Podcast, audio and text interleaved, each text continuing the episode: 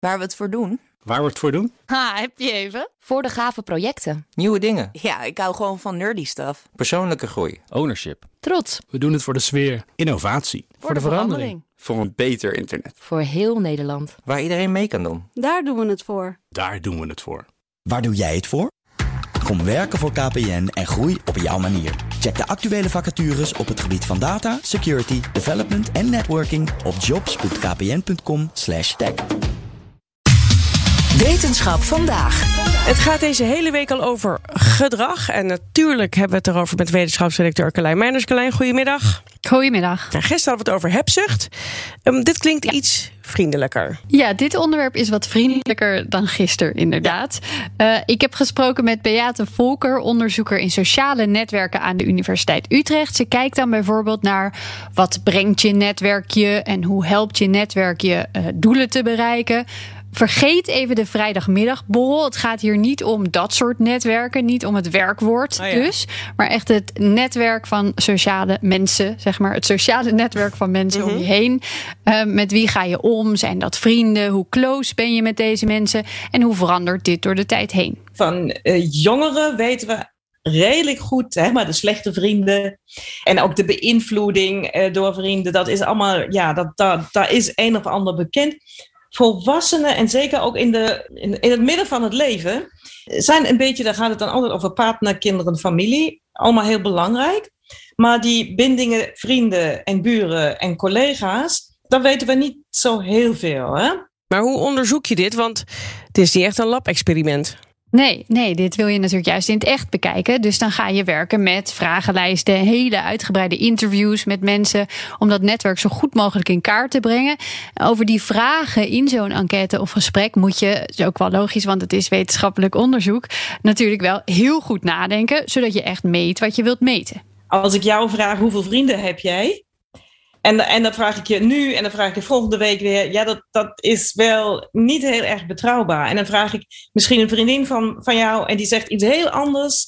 En die zegt ook over zichzelf iets heel anders. Die zegt ook over jou iets heel anders. Dus het is gebleken dat dit soort categorieën vaak heel erg rekbaar zijn. Uh, tussen culturen, tussen individuen. Afhankelijk van je stemming.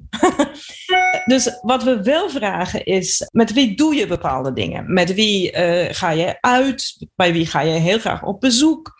Uh, met wie, wie bespreek je ja, dingen die je aan het hart gaan, dingen die je belangrijk vindt? Ja, en ook zoiets als hoe vaak zie je elkaar? Zeker. En ook hoe ver woon je bijvoorbeeld van elkaar? Verandert daar iets in? Maar ook kenmerken van individuen.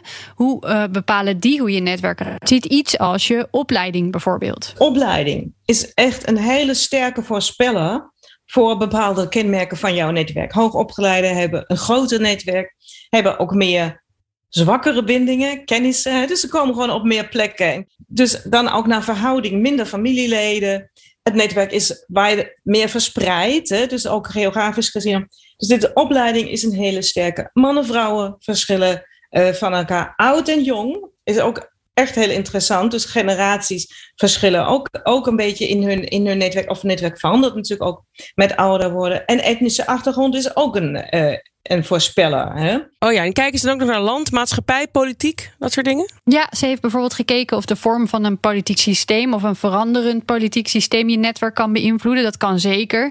We hebben van nature een voorkeur eigenlijk voor mensen die op ons lijken qua interesses en karakter. Maar ook die samenleving en het systeem waarin we zitten is heel erg bepalend daarin. Als je kijkt wie jij in een gewone dag in je, in je dagelijks leven ontmoet, dat, dat zijn ook mensen die, die voor een deel op jou lijken.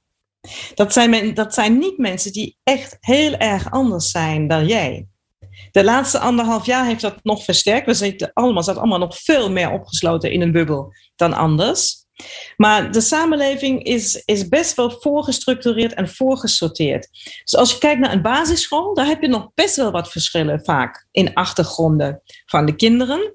Maar als je dan verder kijkt en je gaat naar een middelbare school en dan ga je naar een ander opleidingsinstituut, het wordt steeds eigenlijk steeds homogener.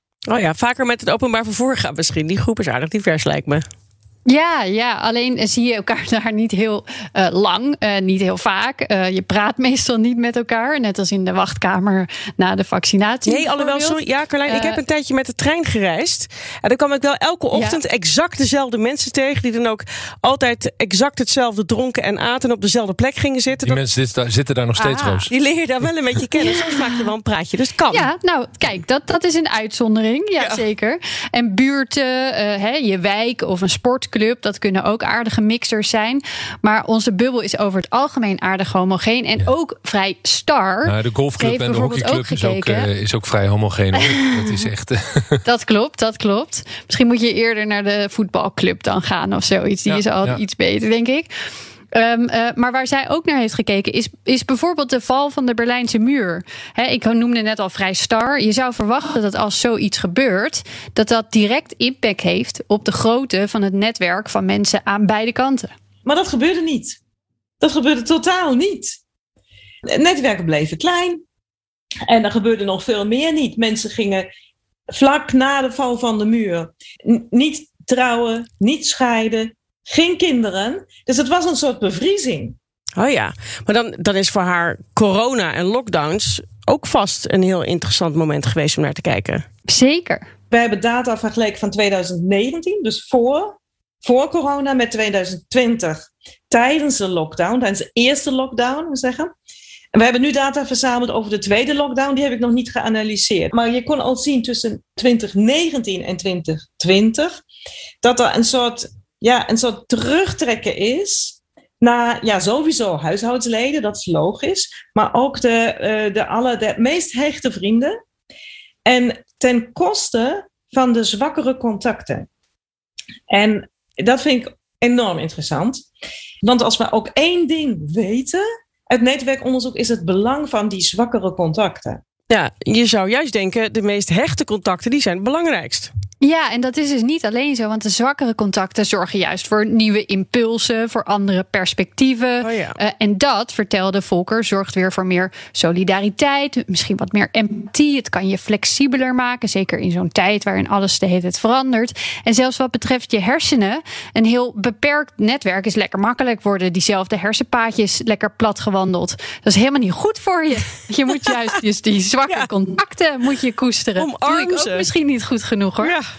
Zwakke contacten is ook een rare term, toch? Ja. Maar je bedoelt mensen die iets kennissen. verder van je vandaan Noem het staan. kennissen. ja, kennissen. Noem het ja. kennissen, ja. Wat is eigenlijk het gemiddeld aantal vrienden, Carlijn? Ja, er zijn wel wat cijfers over. Gemiddeld twee goede vrienden. Uh, 10 tot 15 procent van de mensen heeft helemaal geen vrienden.